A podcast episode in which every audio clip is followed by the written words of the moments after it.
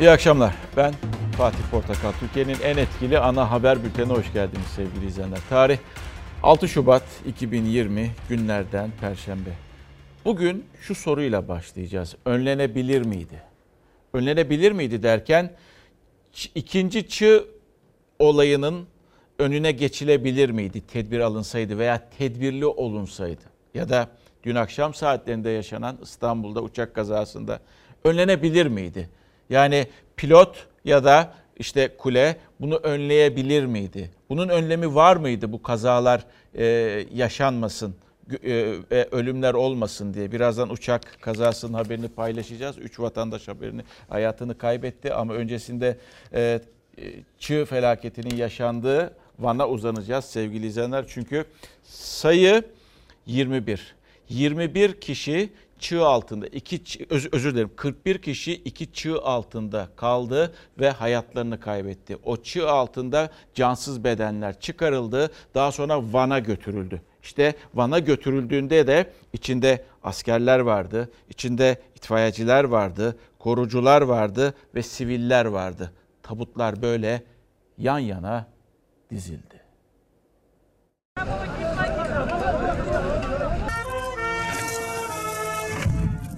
Çığ üstüne çığ düştü, acı üstüne acı eklendi. Türkiye beyaz felakette kaybettiği 41 cana ağladı. Çifte çığ felaketinde şehit olan askerler, korucular, itfaiye görevlileriyle siviller son yolculuklarına uğurlandı. Şehitler memleketlerine gönderilmeden önce ilk tören bakanların da katılımıyla Van Jandarma Filo Komutanlığı'nda yapıldı. Silah arkadaşları gözyaşlarını tutamadı. Şehit yakınları birbirlerini teselli etti. Şehit jandarma Subay Çavuş Fatih Karagöz ailesinin 3 evladından biriydi. Memleketi Kocaeli'nde vatan toprağına emanet edildi. Şehit jandarma uzman onbaşı Tarkan Karaca henüz 24 yaşındaydı. Bekardı. Baba Hoca Eskişehir'de dualarla uğurlandı. Kanlı Pınar şehitliğine defnedildi. Şehit jandarma uzman onbaşı Ufuk Deniz, Çığ bölgesine gitmeden önce annesini aramış, helallik istemişti. Bekardı, 23 yaşındaydı. Kastamonu'da toprağa verildi. Şehit jandarma uzman onbaşı Mesut Deniz, beş kardeşin en büyüğüydü. Kahramanmaraş'ta binlerce kişi son görevini yerine getirdi şehidine. 8 güvenlik korucusu ve 2 itfaiyeci için Van'ın Çatak ilçesinde cenaze töreni düzenlendi. Şehitlerin Türk bayrağına sarılı tabutları askerlerin ve köylülerin omuzlarında taşındı. Gözyaşları dualara karıştı. İçişleri Bakanı Süleyman Soylu da şehit yakınlarını yalnız bırakmadı. Cenazeler ilçe mezarlığında toprağa verildi. Çığda hayatını kaybeden 6 sivil İpek Yolu ilçesinde törenle son yolculuklarına uğurlandı. Yakınları al bayrağı sarılı tabutların başından bir an olsun ayrılmadı. Sağlık Bakanı Fahrettin Koca da şehit yakınlarının acısına ortak oldu. Şimdi bir taraftan da e, hava durumuna bakıyorum sevgili izleyenler. E, bugün akşam itibariyle tabii ki arama çalışmaları durdu. E, ve yarın saat e, sabah 8'den itibaren e, bir kar yağışı var yine aynı bölgede ve e, saat 11 civarında yoğunlaşıyor. Esas kar yağışı, esas kar yağışı saat 17'den e, itibaren 16.30-17'den itibaren yağın e, yarın çoğalmaya başlıyor. Keza cumartesi günü de aynı şekilde ve cumartesi günü yoğun bir kar yağışı var. Özellikle sabah 7'den itibaren kar yağışı başlayıp gün boyu bakıyorum gün boyu devam ediyor ki bu ertesi gün pazara kadar da devam ediyor. Pazartesi günü e, Bahçesaray taraflarında kar görünmüyor. Allah rahmet eylesin. Herkes şunu konuşuyor. Daha doğrusu şu öğrenilmeye çalışıyor, çalışılıyor. Bunun önüne geçilebilir miydi? Yani ikinci e, bir e, felaket yaşanmayabilir miydi? Bir önlem alınabilir miydi diye herkes bu sorunun cevabını bulmaya çalışıyor. Ha diyeceksiniz ki artık bunun ne faydası olacak? Haklısınız. Ama en azından böyle bir şey yaşandı. Belki ileride yaşanmaması adına bundan ders çıkartılabilir belki. Tabii özellikle bu doğal afetlerde e, ismini çokça duyduğumuz, çok da bildiğimiz Nasuh Maruk'u tecrübeli bir isim, profesyonel bir isim. Artık kendisi araba kurtarma uzmanı. E, bu sorunun muhatabı olacak kişilerden biri. Çünkü bu işi biliyor, kurtarmayı biliyor. Doğal afetlerde nasıl mücadele edilebileceğini, canlıları nasıl oradan kurtarabileceğini bilen yıllarını vermiş bir isim. Eğitimini de veriyor zaten bunun. Ve cümle önemli. Riskler göz önünde bulundurulmamış diyor. Yeni günde de arama kurtarma çalışmaları aralıksız devam ediyor. Olay yerine sık sık takviye ekipler sevk ediliyor. Onlardan biri de jandarma arama kurtarma ekipleri. Çifte çift felaketinin ardından ara verilen çalışmalar sabah yeniden başladı. Bu kez kurtarma ekipleri dışında kimse bölgeye sokulmadı. Saatler geçtikçe acılar katlandı. 3 kişinin daha cansız bedenine ulaşıldı. Çığ felaketlerinde yitip giden hayatların sayısı 41'e yükseldi. Böyle 80 kişinin bütün yamaçlarda hareket halinde olduğu bir sistem çok tehlikeli bir sistem. Yani dağcılar birbirlerinin adımını bile kesmezler. Bunlar yapılmamış mı efendim? Yapılmadı. Yok tabii ki bunların hiç Neler hiç yapılmamış öyle şey burada? Düşünülmemiş ki zaten. Rüzgar nedeniyle geldi. Millet biliyor rüzgar. Sürekli esiyordu.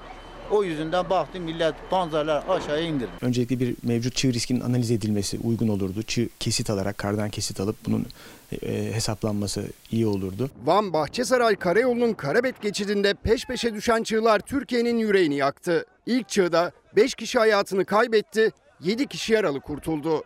Kar altındaki 2 kişiyi kurtarma çalışmaları sürdüğü sırada ikinci kez çığ düştü. Askerler, itfaiyeciler, korucular ve siviller tonlarca karın altına gömüldü. özellikle en büyük hasarı alanlar yani yolda ve ateşin başında bekleyenler. Aşağıda derede kurtarma çalışması yapanlar çığ oraya gelene kadar etkisini kaybetti. Onların imdadına gittim güya. Varır var mı aldı hepimizi. Gelen haberler iyi değildi. Can kaybı her geçen saat arttı. Yeni bir çığ riski nedeniyle gece çalışmaya ara verildi. Sabah saat 8'de tekrar yola koyuldu ekipler.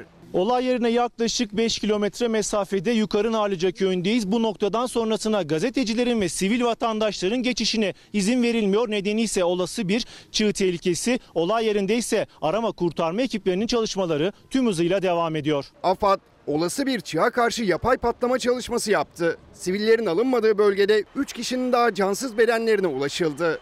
2 günde 11'i jandarma, 8'i korucu, biri telekomünikasyon çalışanı, ikisi karayolu çalışanı, 3 itfaiyeci, 16'sı da sivil olmak üzere 41 kişi hayatını kaybetti. Ama orada imal da vardı. Yani madem ki orada çiçek olduğunu biliyorlar. O kadar insan 200 kişi vardı orada. Bölge coğrafi olarak rüzgar altı bir yamaç konumunda. Kötü hava şartlarının da etkisiyle bölgede sürekli kar birikti. İkinci çığın düştüğü anlarda da o bölgede çok sayıda iş makinesi ve kurtarma için gelen yüzlerce insan vardı. O anlardan sonra da akıllarda hep aynı soru. İkinci çığ riski düşünüldü mü? Yeterli önlem alındı mı? Yeni bir çığ meydana geleceğiyle alakalı e, riskler göz önünde bulundurulmamış yeteri kadar. Bu konunun uzmanı bir ekip olsa e, onlar çok daha doğru bir şekilde süreci yönetirlerdi ve insan gücü gerektiğinde de insan gücünü de daha doğru bir şekilde kullanabilir, e, bir model geliştirebilirlerdi ama e, işte bu tehlikeler öngörülmemiş. Akşam saatlerinde arama çalışmalarına yeniden ara verildi. Çığ altında bir itfaiyecinin olduğu tahmin ediliyor. Vatandaş olarak düşüncelerimiz de var. Onlar da düşüncelerini e, paylaşıyorlar, yazıyorlar. İşte bir vatandaş e, izleyen şöyle diyor. Çiğ deprem uçak kazası önlenebilir miydi bilemiyorum ama önlem alınabilirdi. Önlem alınabilirdi diye. Birazdan uçak e, kazasıyla da ilgili detaylı haberlerimiz olacak. Orada da zaten bunları göreceksiniz, izleyeceksiniz ve duyacaksınız. Her olayda artık bir siyasiler bir tartışma içerisinde. Hiçbir olay bizi kenetleyemiyor. Hiçbir olay birbirinin her olay karşısında siyasiler birbirinin açığını aramaktalar. Ha bu aksilik varsa konuşmayın anlamında değil. Ama artık iş siyasi boyuta taşındığında e, kurulan cümleler e, yıkıcı oluyor. Kırılan cümleler e, umutları kırıcı oluyor sevgili izleyenler. Sanki hakaret ediliyormuş gibi karşı taraf e, algılıyor ve karşılıklı atışmalar devam ediyor. İşte onlardan mesela bugün de devam etti. Bu e, çı e, olayında da devam etti. E, Cumhurbaşkanı dün e, Recep Tayyip Erdoğan Kırıkkale'deydi, miting yaptı. Ve bu mitingi sonrasında sosyal medyada da çok eleştirildi. Eleştiriler aldı bir kesim tarafından. Ha, sonrasına baktığımızda ise siyasetçilerin gündemine geldi bu olayda. Peki ne diyorlardı? İşte onlardan biri en e, sert tepkilerden biri İyi Parti Yavuz Ağır Alioğlu parti sözcüsü söyledi. Van'da çığ altında kalan devlet adabıdır. Devlet adamlığıdır dedi.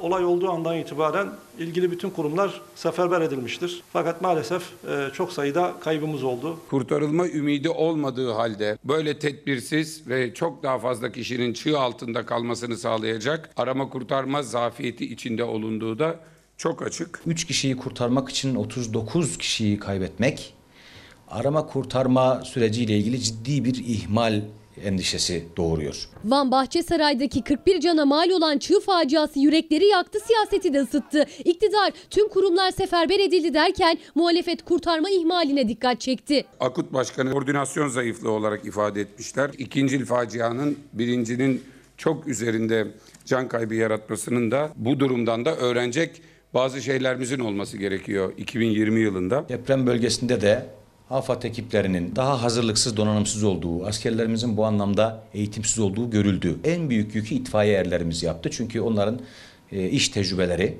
bu anlamda daha fazlaydı. Tüm birimlerin gayretlerine rağmen kaybettiğimiz e, canlar için rahmet diliyoruz. Van Bahçesaray ilçesinde kurtarma çalışmalarının sürdüğü sırada Cumhurbaşkanı'nın Kırıkkale'nin Delice ilçesinde halka hitap ettiği konuşması da muhalefetin gündemindeydi. Çığ'dan yeni bir haber daha geldi. Çığ altında kalanların sayısı 33 oldu. Allah rahmet eylesin. Çığ, heyelan, bütün bunlar hep tehditler. Tehditlerdir cümlesinin içerisindeki ruhsuzluk devletin başına yakışmaz. Bunları ihmal ederek yaptığımız şeyin adı siyasetse batsın o siyaset. Görülen şey şudur ki insanlarımızdan evvel devletin dilini, kalbini, izan duygusunu, zerafetini kaybetmişiz. Miting yapanların bir suçu var. İşte bir çocuk çıkacak, reis çıplak diye bağıracak. Başka çare yok. O bağırdıktan sonra herkes bağıracak. Denecek ki ya bu durumda da miting yapılır mı diyecek birisi mesela. HDP grubu ise mecliste tepkisini gösterdi. Çığ felaketi yaşanırken Ahlat'a saray iznini görüşemeyiz diyerek genel kurulu terk etti. Van'ın diğer tarafı ise Ahlat ve Ahlat'ta bir Cumhurbaşkanı sarayı yapılsın mı yapılmasın mı tartışma önümüzde bir karar e, aldık. Genel kuruldan çıkacağım. Vekillerimiz de e, katılmayacak. Tartışmaları sürdü. Tartışmaları yarın da sürecek ama dediğim gibi e, Van Bahçesaray'da hava durumuna bir baktığımızda e, kar yağışını yoğun şekilde pazar günün akşamına kadar görüyoruz. Pazartesi günü hava e, biraz daha en azından kar yok. Onu aktaralım sizlere. Bir kez daha başımız sağ olsun. Umarım bu yaşananlardan mutlaka bir ders çıkartılabilecektir. Geldik bu dün akşam saatlerinde yaklaşık bir e, 60-75 dakika önce yaşanmıştı dün akşam saatlerinde. Bir anda 18 sıralarında bir anda böyle ekranlar bir uçak kazasını vermeye başladı. Tabii önce algılayamıyorsunuz yani veya önce sosyal medyadan düşüyor. Ve bu uçak kazası nerede, nedir anlamaya çalışırken bir baktık ki bu uçak kazası İstanbul'da e, yaşanmış. E, İzmir İstanbul seferini yapan Pegasus Hava Yolları'na özel bir hava yolu şirketi. Pegasus Hava Yolları'na ait uçak İzmir'den kalkıyor. Tarifeli sefer İstanbul'a Sabiha Gökçen'e iniş yapacak. Ve işte ve işte e, uçak o inişi gerçekleştirmek istiyor. Pilotu gerçekleştirmek istiyor. Birazdan detaylı bir şekilde anlatacağız sizlere neler yaşandı o anda. Ancak tekeri koyuyor, pistin sonuna kadar gidiyor, pist yetmiyor ve uçak aşağı düşüyor. Banket gibi bir yere düşüyor ve uçak üç parçaya ayrılıyor.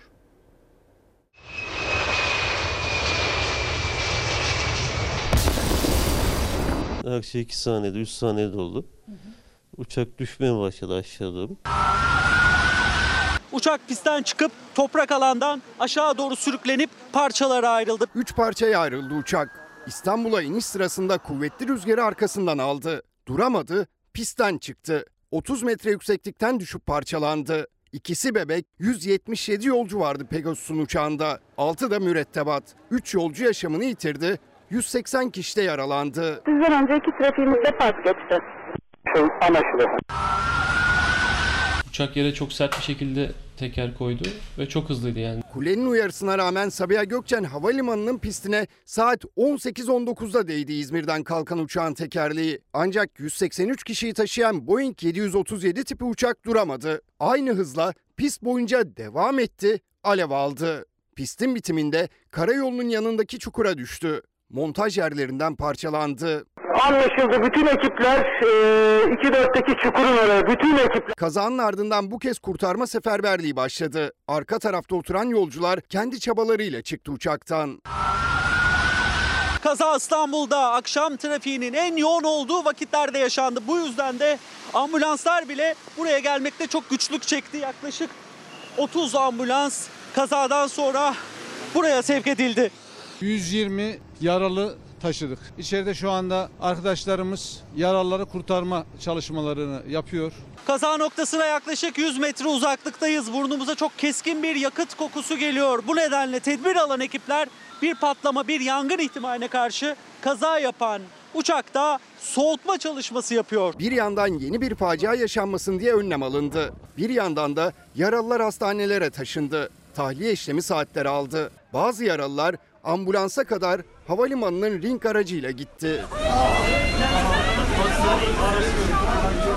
Tüm uçuşlarına ara verilen Sabiha Gökçen Havalimanı sabaha karşı saat 4'te hava trafiğine açıldı. Hayatını kaybedenlerin kimliği ise gün ardında ortaya çıktı. Yolculardan Alev Gençoğlu, Songül Bozkurt ve Zehra Bilgi Koçar yaşamını yitirmişti. 30 yaşındaki diş hekimi Koçar aslında eşiyle birlikte İstanbul'da hafta sonu tatil planlamıştı. Ancak Ticaret Bakanlığı müfettişi eşinin görevi çıktı. Zehra Bilgi Koçar'dan 3 gün önce geldi İstanbul'a. Genç kadınsa kaçamadı kazadan. Geriye bu düğün görüntüleri kaldı. Ağır yaralanan iki pilotla kule ve meydan görevlileri hakkında soruşturma başlatıldı. Uçağın kara kutusu da inceleniyor. Yine gelen mesajlar var. Bu mesajlardan bir tanesinde kader önlenebilir miydi demiş Ayhan Bey. Kader ve fıtrata bağlarsanız bilimi ötelersiniz. Bilim bilimsiz önlenebilir miydi diyor. Bir başkası e, belki doğal afetler değil ama kesinlikle liyakatsız yöneticiler önlenebilir miydi? Önlenebilirdi. Önlenebilir miydi diye de eklemiş daha sonra. E, bir Aslı Hanım da birileri neden hala ibret almıyor? Neden masum kişiler zarar görüyor? Önlenebilir miydi? Her şey önlenebilir. Yeter ki tedbir alalım diyor. Şimdi tam konuyu bilemiyoruz. Kara kutu açıldığında anlayacağız veya işte e, birazdan tekrar gelecek pistin yorgun olduğu ama öncesinde bir pilotaj hatası var mıydı yok muydu? Çünkü bir konuşma var. Kule ile biliyorsunuz kule vardır hava yollarında e, ve uçak o kuleyle irtibat halindedir. Rotası vesaire iniş kalkışlar hepsi bu kule tarafından yönlendirilir. Şimdi kule uçağın pilotunu uyarıyor ve diyor ki rüzgar var dikkat ediniz ve sizden önceki uçak iki uçak pas geçti diyor. Yani e, pilot ona rağmen böyle bir iniş gerçekleştiriyor. Yani uyarısı var. Tabii ister istemez Pegasus Hava Yolları'nın ne diyeceğine de gözler çevrildi. CEO bugün çıktı. Pegasus Hava Yolları'nın e, CEO'su çıktı Mehmet Nane ve kameralar karşısındaydı. Gözyaşları döktü. Üç vatandaşımızı kaybettik. İnsani bir duygu. Ve ama şu soruyu sormak istedim özellikle CEO'nun gözyaşları samimi miydi diye. Samimi olduğuna inanmak istiyorum. Ne var ki neden böyle bir soru sorduk diyorsanız eğer. Çünkü öyle bir bahsetti ki yani her şey güzel, her şey iyi gidiyor, şöyle yapıyor, pilotlarımız iyidir, böyledir. Ama ama neden bu kaza oldu peki diye insanın aklına geldi. Bir de en sonunda soru almadan salonu terk etti. Ve son inen trafiğimiz 600 fit altında 37 knot seyrimiz rapor etti. Sizden önceki trafiğimiz de pas geçti. Anlaşıldı. Rüzgar limitleri kule tarafından verilir, pilotlar tarafından değerlendirilir, ondan sonra inişe gelir. Limitlerin içindeyse pilot inişe karar verir, limitin dışındaysa pas geçmeye karar verir. Kuyruk rüzgarı iniş limiti 15 knattı ancak iddiaya göre 22 knatlık rüzgarda inmeye karar verdi pilot. Hem de kulenin önceki iki uçağın pisti pas geçtiği uyarısına rağmen 3 kişinin yaşamını yitirdiği uçak kazasında son sözü kara kutu söyleyecek ama pilotlar da soruşturmanın odağında. Pegasus Genel Müdürü ise kuvvetli rüzgara rağmen inişteki ısrarın şirket politikaları olmadığını savundu. Tüm pilotlarımız risk almamaları, stabil yaklaşım yapmaları, risk görüyorsa pas geçmeleri, gerektiğinde yedek meydana devam etmeleri için teşvik edilirler. Kazayla ilgili ihmal iddiaları çok tartışılacak. Çünkü kaza yapan uçakla aynı firmaya ait bir uçakta bir ay önce yine Sabiha Gökçen Havalimanı'nda pistten çıkmıştı. Sabiha Gökçen Havalimanı'nda pistten çıkan uçağa ilişkin ihmal iddiaları rüzgarla da sınırlı değil. Çünkü aynı firmaya ait aynı tipteki yolcu uçağının son iki yılda üçüncü kazası bu. Uçaklarla ilgili dizayn veya e, yapılmayla ilgili herhangi bir e, problem yok. 10 senedir bu uçaklarda uçuyorum. Havacılıkta hiçbir şeyi gizlemeniz mümkün değil. Yani üretici bile olsanız, çok büyük bir firma olsanız, Boeing'den bahsediyoruz. E, ticari anlamda ciddi yara almasına rağmen kabul etmek zorunda. Boeing firması yetkilileriyle Amerikan havacılık heyeti uçağı incelemek üzere Türkiye'ye geliyor. Pegasus'un CEO'su ise kazanın sabahında kameraların karşısındaydı. Bundan sonraki ana işimiz bu yaraları sarmak için bize düşen ne görev varsa yapmaktır. Gözyaşlarını tutamadı Genel Müdür Mehmet Nane. Ancak sorulacak çok soru vardı. Pilotların inişte neden ısrarcı olduğu, pilotların ya da havayolu şirketlerinin arasında iniş rekabeti olup olmadığı sorulacaktı. Nane, şirketin uluslararası standartlarda hizmet verdiğini söylemekle yetindi. Soruları yanıtlamadı. İyi günler arkadaşlar. Efendim şu noktada şu noktada soru alacak bir konumumuz da yok, durumumuz da yok. Son iki yılda üçüncü kaza efendim. Türkiye Hava Yolu Pilotları Derneği Başkan Yardımcısı Kaptan Pilot Muharrem Gündoğan da pek çok ihtimalin yanıtı için uçağın kara kutusunu işaret etti. Kazaların e, sıklıkla üst üste gelmesinin birçok sebebi olabilir. Ama bunları ben 50 tane sebep sıralayabilirim size. Belki 51. sebep de olabilir. Bilemiyoruz şu an. Ve e, Mehmet Nane Pegasus CEO'sunun şu soru sorulacak o zaman. Yani şu sorunun cevabını merak ediyoruz. Biz diyor baskı altında tutmuyoruz, e, risk almamalarını söylüyoruz diyor pilotlarına. Samimi de bulduğumu söyleyeyim. Öyle de tamam kabul edeyim. Sizlere de yardımcı olalım. Sizin de acınız büyük tabii ki. Ama peki o rüzgar bu kadar kuvvetliyse, öndeki uçak iki uçak pas geçiyorsa, kule pilotu uyarıyorsa bu pilotlar neden inmek istedi? Yani diğer uçaklardan büyük olabilir. Tonaj olarak ağırlığı daha fazla diğer uçaklardan olabilir. Eyvallah. Ama neden yine de o rüzgar standardın sınırın üstündeyse, iki katıysa niçin inmek için kendini zorunlu hissetti? Her şeyden önce bırakın oradaki 177 yolcuyu kendi canı için en azından içme, e, inmezdi. Yoksa gerçekten bu şekilde söyleyip Mehmet Bey sonradan şirket içerisinde pilotlara bir baskı mı vardı? Pilotlara pas geçmemesi mi söyleniyordu? Bunlar da olabilir. Yani maliyetler yüzünden onu da e, bilmek mümkün değil. Ama zaman her şeyi gösterecek ama bildiğimiz bir şey var. O da nedir? İşte Ulaştırma Bakanı'nın sözü. Çok enteresandır. Ee, kazadan sadece 24 saat önce son zamanlarda çok konuşulan bir isim Cahit Turan Ulaştırma ve Altyapı Bakanı ee, Sabiha Gökçen Havalimanı için pistin yorgun olduğunu söyledi. Yani bu ne demekti? Piste fazla uçak iniyor, pistten fazla uçak kalkıyor.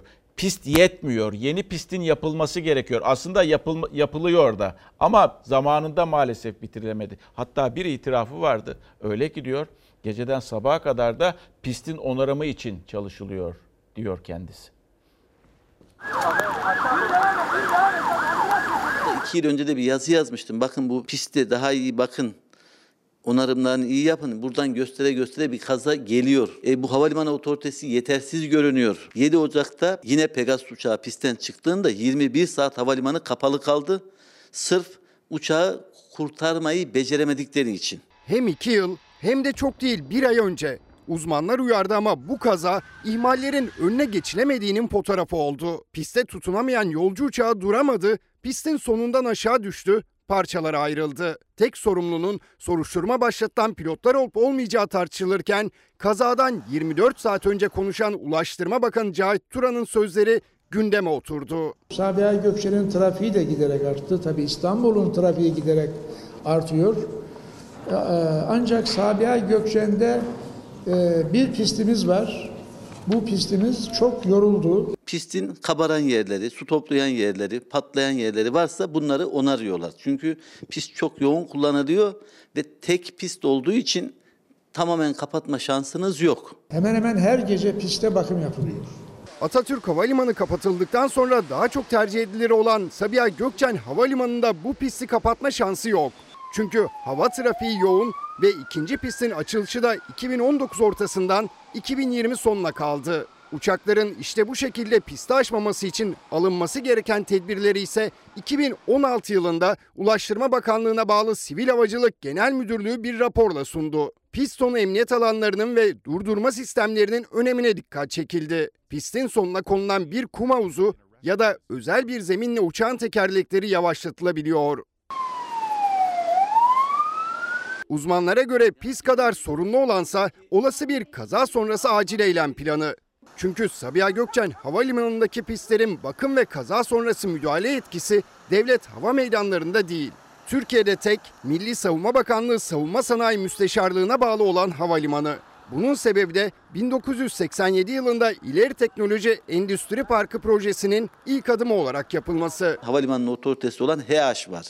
Bu HH şirketi Savunma Sanayi Başkanlığı'na ait.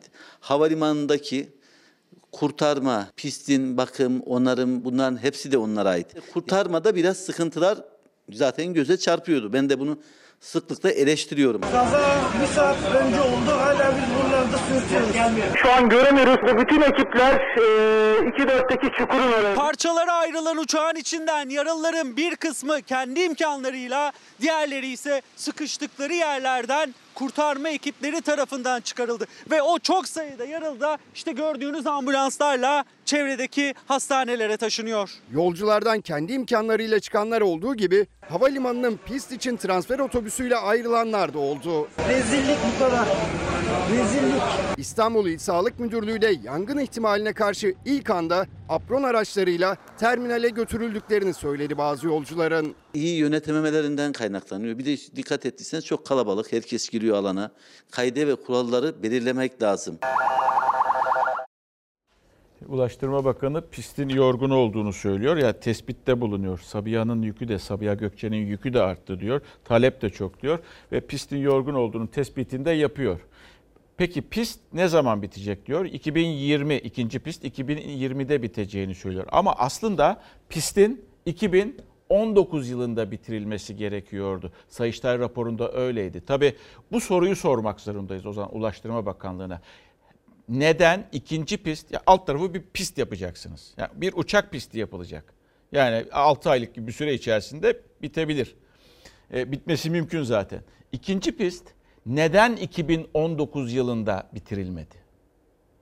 Sabiha Gökçen'de e, bir pistimiz var.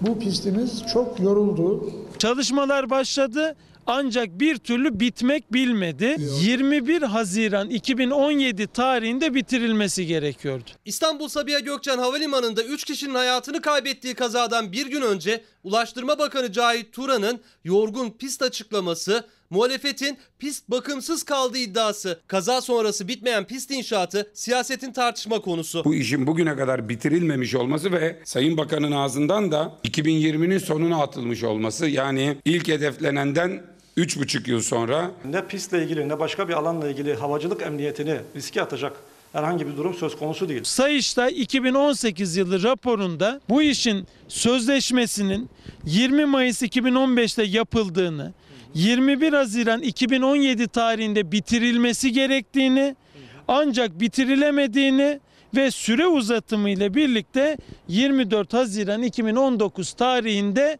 bitirileceğini belirtmiş. Böyle bir durum söz konusu olsa zaten bunlar bakıma alınır ve uçuşa kapatılır. Kaza bir değerlendirilecek. Kazadan sonraki arama kurtarma ciddiyetsizliği, tedbirsizlik, hazırlıksızlık, yetersizlik bunlarla ilgili artık paçalarımızdan akmaya başlayan bir tecrübesizlik var. Muhalefet hem Ulaştırma Bakanı'nın pistimiz çok yoruldu ifadesini hem de Sayıştay raporundaki uyarıyı referans gösterdi ama AK Parti sözcüsü Çelik Sabiha Gökçen'de risk yok diye savundu. Tartışma alevlendi. Çok problemli ve kazaya açık bir pist. Bir pist güvenli güvenli değil ya da güven uçuş uçuş güvenliği yok da onun üzerine bu uçuş gerçekleştirildi diye bir şey söz konusu değildir. Belediye otobüsleriyle yaralı kurtarmak nedir arkadaşlar?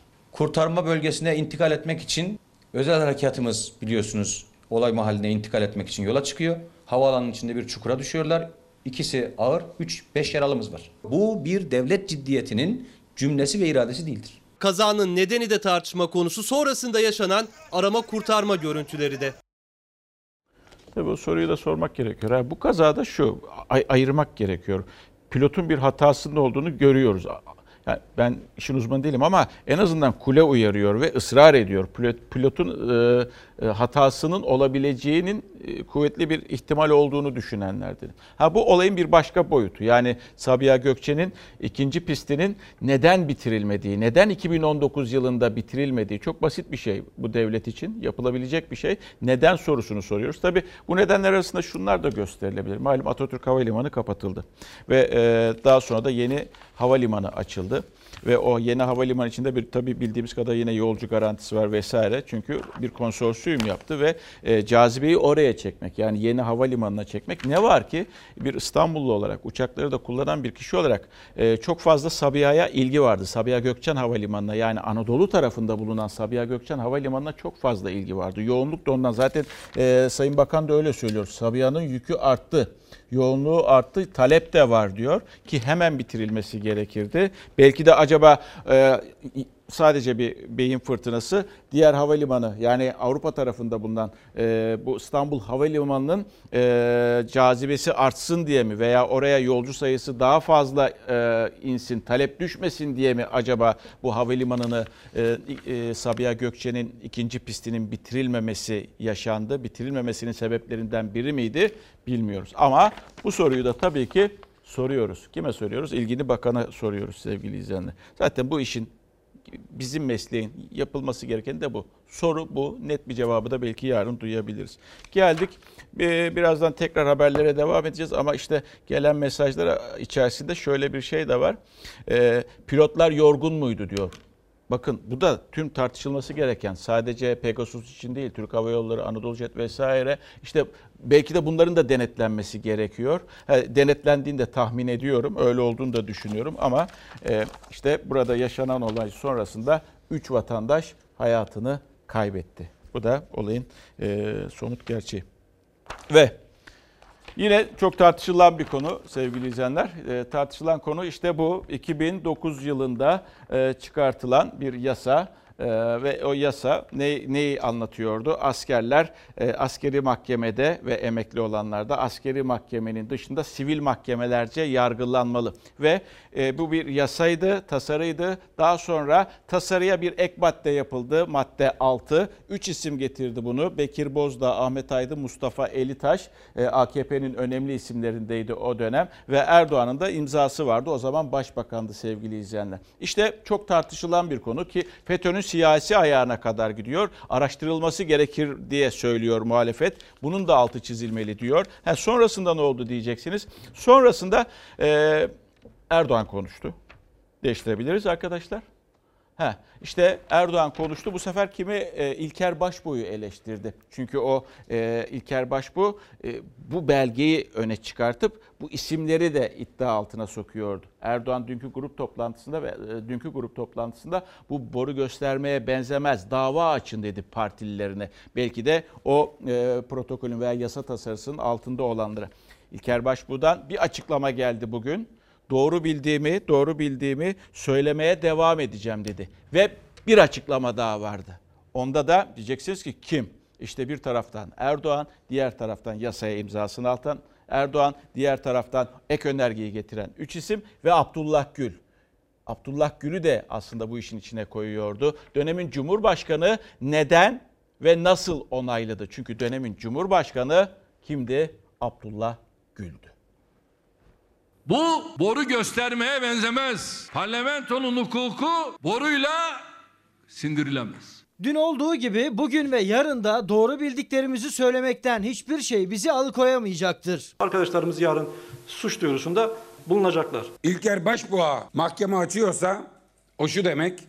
Biz yine elimizdeki yargı gücünü kullanarak zorla susturma yoluna gidiyoruz. 2009 yılında gece yarısı çıkan yasa 2020'de dönemin başbakanı ve iktidarıyla dönemin genelkurmay başkanını karşı karşıya getirmekle kalmadı, adliye koridorlarına taşınıyor. Sabaha karşı bile pat paldır küldür geçiyor bu yasa teklifi. 11 yıl önce tüm partilerin desteğiyle çıkartılan bir düzenlemenin üzerine FETÖ gölgesi düşürülmeye çalışılması meclise saygısızlıktır. FETÖ tarafından hedef alınan 2 yıl boyunca FETÖ komplolarıyla mücadele eden, iktidarı uyaran bir genelkurmay başkanının bugün karşı karşıya bırakıldığı bu durum herkesten önce FETÖ'yü sevindirecektir. FETÖ'yü sevindirecek esas yaklaşım 15 Temmuz'da FETÖ'nün hedefi olmuş Yüce Meclis'e hedef almaktır. 2 yıl FETÖ kumpasıyla cezaevinde yatan İlker Başbuğ bir televizyon programında konuştu. Askerlere sivil mahkemelerin yolunu açan 2009 tarihli altında AK Parti milletvekillerinin imzası olan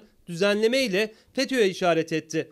İktidarın tepkisi Erdoğan'ın ağzından en üst perdeden geldi. Başbuğ da cevap verdi. Eski bir genelkurmay başkanı bu düzenlemeyi bahane ederek meclisimizi toptan itham eden bir takım açıklamalar yapmıştır. Konuşmamdan meclisi ve bazı üyelerini itham eden bir sonuç çıkarmak doğru değil. Amacımız hükümet tasarısında yer almayan iki önergeyi ilk gündeme getirenin kim olduğu, nasıl benimsendiği, anayasaya aykırılığının kendisine anlatılmasına rağmen dönemin Cumhurbaşkanı tarafından da neden ve nasıl onaylandığının sorgulanmasıdır. Düzenleme doğrudur. FETÖ ile mücadeleyi sulandırarak eski vesayet biçimlerini canlandırmaya çalışmak asıl FETÖ ve benzerlerine cesaret vermek olur. Konuşmamızın kapsamı yapılan düzenlemelere FETÖ gölgesi düşürmek değil, düzenlemelerden FETÖ'nün istifade ettiğinin ortaya konulmasıdır. Elitaş kimseye dava falan açmasın. Suçlanacak kişi değilse en azından çok önemli bir tanık pozisyonundadır. Kendi yazmadıysa gecenin o yarısında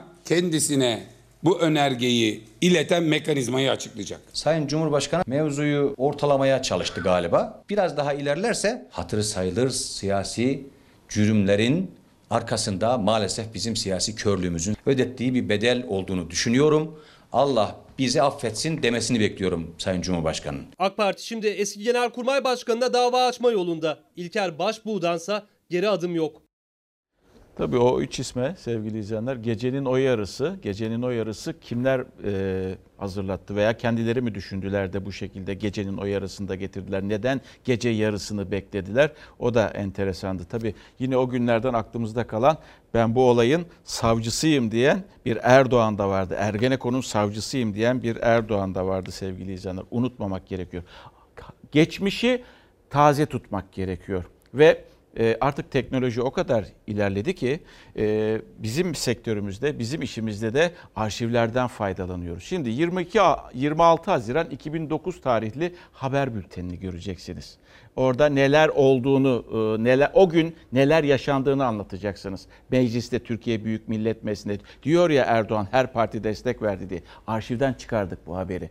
Çünkü arşivler unutmaz, yalan da söylemez. Doğruyu anlatır. O tarihte ne yaptığımızı anlatacak. Ve bakınız orada bir de Kozmik Oda davası var. Meşhur Bülent Arınç olayı. Kozmik Oda. Bu kanunun sadece birkaç ay sonrasında yapılan bir operasyondu. İyi izleyiniz. FETÖ'nün direktifiyle, emriyle ben hazırlandığı düşündüm. 11 yıl önce meclise AK Parti'nin getirdiği gece yarısı önergesi bugün fırtınaları kopardı. Yargıya taşınan o polemik arşivleri açtırdı. Geçen akşam bir kanun çıktı mecliste. Doğrusu önergeden benim de haberim yoktu. Tarih 25 Haziran'ı 26 Haziran'a bağlayan gece. Yıl 2009. Genel kurulda Başbakan Erdoğan imzalı torba yasayla gelen maddeler oylanıyordu.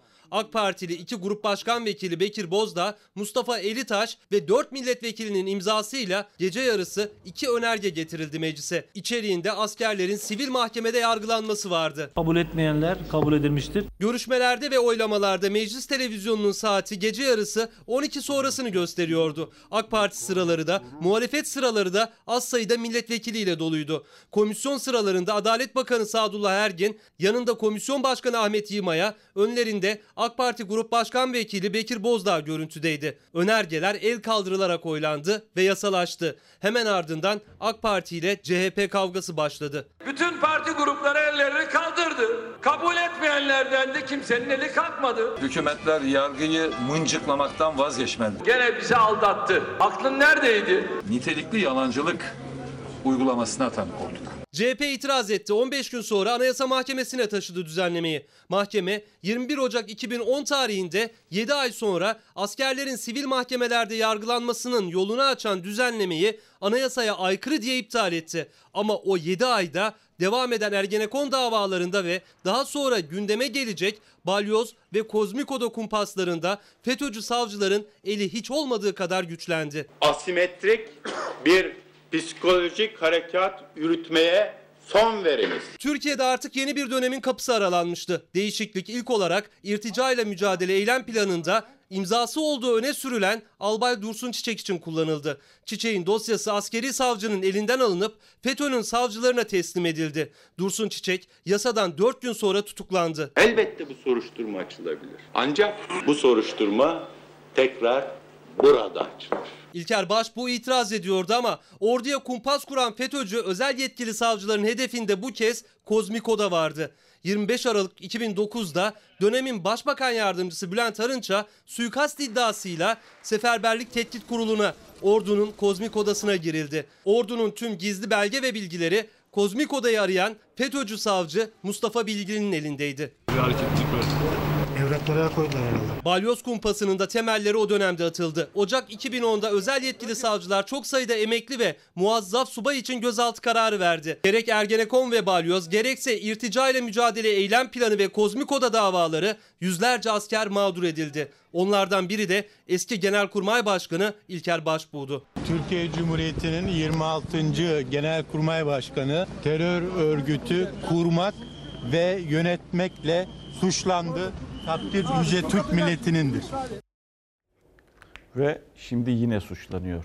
26. Genelkurmay Başkanı terör örgütünün kurucusu ve yöneticisi olmakla, vesayetçi olmakla suçlanıyordu. Şimdi yine aynı iktidar tarafından suçlanıyor. Bu sefer başka bir e, gerekçeyle sevgili izleyenler. Ha belki her işte bir hayır vardır. Gidecekler belki ifadelerini verecekler. Tanık olarak gidecekler. Tabii onlar alınabilir mi bilmiyorum ama herkes de o soruyu soracak. Bir kere o üçme, o üç isme soracak. Diyecek ki ya arkadaş sen kimin aklına geldi de bir gece yarısı bunu hazırladınız verdiniz? Bu bir. E bu çok yani basit bir soru. İkincisi Cumhurbaşkanı, Başbakan'a gidecek. Siz bunun altına neden imza attınız diyecek. Daha sonra e, Gül'e gidecek. Siz neden bunun altına eski Cumhurbaşkanı siz bunun altına neden e, imzanızı attınız? Neden meclise geri göndermediniz? Çünkü direkt imzalamış ve biz bunları öğreneceğiz. Bunları öğrendikten sonra da belki de o kozmik oda davalarının e, veya kozmik oda operasyonlarının gerekçesini de anlamış olacağız. Her işte bir hayır vardır sevgili izleyenler. E, beklemekte fayda var. Ve Osman Kavala da cezaevinde bekliyor bu arada. İstanbul Cumhuriyet Başsavcılığı Gezi davasındaki esas hakkındaki görüşünü mahkemeye sundu. Savcılık davanın tek tutuklu sanığı olan Osman Kavala ki 828 gündür e, tutuklu e, Yiğit Aksakoğlu ve Mücella Yapıcı'nın ağırlaştırılmış müebbet hapsini istedi sevgili izleyenler. İnsan Hakları Mahkemesi de tahliyesini istemişti Osman Kavala'nın tek tutuklu sanık bu arada. Dün hatırlayacaksınız bir Kızılay haberi vermiştik. Daha sonra e, Cumhurbaşkanı'nın e, Türkiye Büyük Millet Meclisi'nde e, soru almadığını ve bunu anlatırken de Fahrettin Altun Cumhurbaşkanı İletişim Dairesi Başkanı evet şöyle demiştim. E, Fahrettin Altun sorulmasını istemedi demiştim. Ondan sonra da geldi gazetecilere teşekkür etti. Orada benim hatam var. Her kulun hatası vardır. Kusura bakmayın Fahrettin Bey. Ama siz o kulisteydiniz ve oraya sizin basın danışmanınız geldi e, sonrasında da gazetecilere önce soru ekibinizden biri ve sonra gazetecilere soru sormamasını, sonrasında ise bir daha gelip kesinlikle soru sormamasını, üçüncüsünde ise o basın danışmanı olan arkadaşın yanınızda dursa bile soru sorulmamasını istedi. Bu şekilde değiştiriyorum. Bu şekilde değiştiriyorum çünkü dün dönüşünüz oldu bize. O yüzden değiştiriyorum. E, yalan haber de değildi. Çünkü siz de kulisteydiniz ve o gelen gazeteci arkadaş, basın danışmanı arkadaş bir sorum şu kendi başına mı hareket etti? Yani Cumhurbaşkanı'na sorulup sorulmayacağına size sormadan kendi başına mı karar veriyordu? İkincisi, ikincisi de acaba size gelip siz mi söylüyordunuz? Bilmiyoruz cevabınız. Ama anladık ki artık bundan sonra Cumhurbaşkanı'na her soru sorulabilecek. Teşekkür ediyorum sizlere. Ve geldik deprem unutmamamız gereken bir e, hadise. Biliyorsunuz duvarları yıkıyordu arkadaşlar. Bu kez demirleri artık e, e, yıkmaya başladılar. Neden? Çünkü deprem gerçeğini unutturmamaya çalışıyoruz. Olan bu şekilde oho gerçekten kağıt gibi. Binanın dışında da çatlaklar var. Geceleri zaten hiç yatamıyorum sabaha kadar. Ezan okunuyor ondan sonra ben yatıyorum. Uykuları kaçıyor, can korkusuyla yaşamak istemiyorlar. Ama raporlarla da riskli olduğu belirlenen binaları yıkılıp yerine yenisi yapılamıyor. Nedeni müteahhitlerin para kazanamayacakları için projeye sıcak bakmaması. Çünkü mevcut kat kadar imar izni veriyor belediye. Dönüşüm için daire başına 225 bin lira ödenmesi gerekiyor. Bu da ev sahipleri için mümkün değil. Bir daire parası 225 istiyor müteahhit. Dairelerin bedeli şu anki 100-150 bin lirayı geçmez. Değerinden Gelecek gücünüz var fazla. Yok şu anda yok. 99 depreminde çok can yandı İstanbul Avcılar'da. Binalar hala o depremin izlerini taşıyor. Ambarlı Mahallesi'ndeki Sevcan Apartmanı da o hasarlı binalardan biri. Kolonlar alarm veriyor. Burası da aynı apartmanda Emeksiz ailesinin evi. Kolonların durumu içler acısı. İşte bir taşıyıcı kolon sadece beton değil işte o betonun içindeki demirler bile bakın elimizde un ufak oluyor. Bir başka kolonda burada o da taşıyıcı kolon. O da gerçekten kötü. İşte demirler çürümüş ve bakın nasıl kolay bir şekilde sıva böyle elimize geldi. Zaten ailede bu durumdan tedirgin olduğu için başka bir yere taşınacak. Zor Ve reklam. Kapatıyoruz sevgili izleyenler. Bizden hemen sonra Mucize Doktor dizisi yeni bölümüyle ekranlara gelecek. İzleyebilirsiniz. Yarın daha mutlu, daha huzurlu, daha güvenli bir dünya ve tabii ki Türkiye'de buluşmak umuduyla. Hoşçakalın.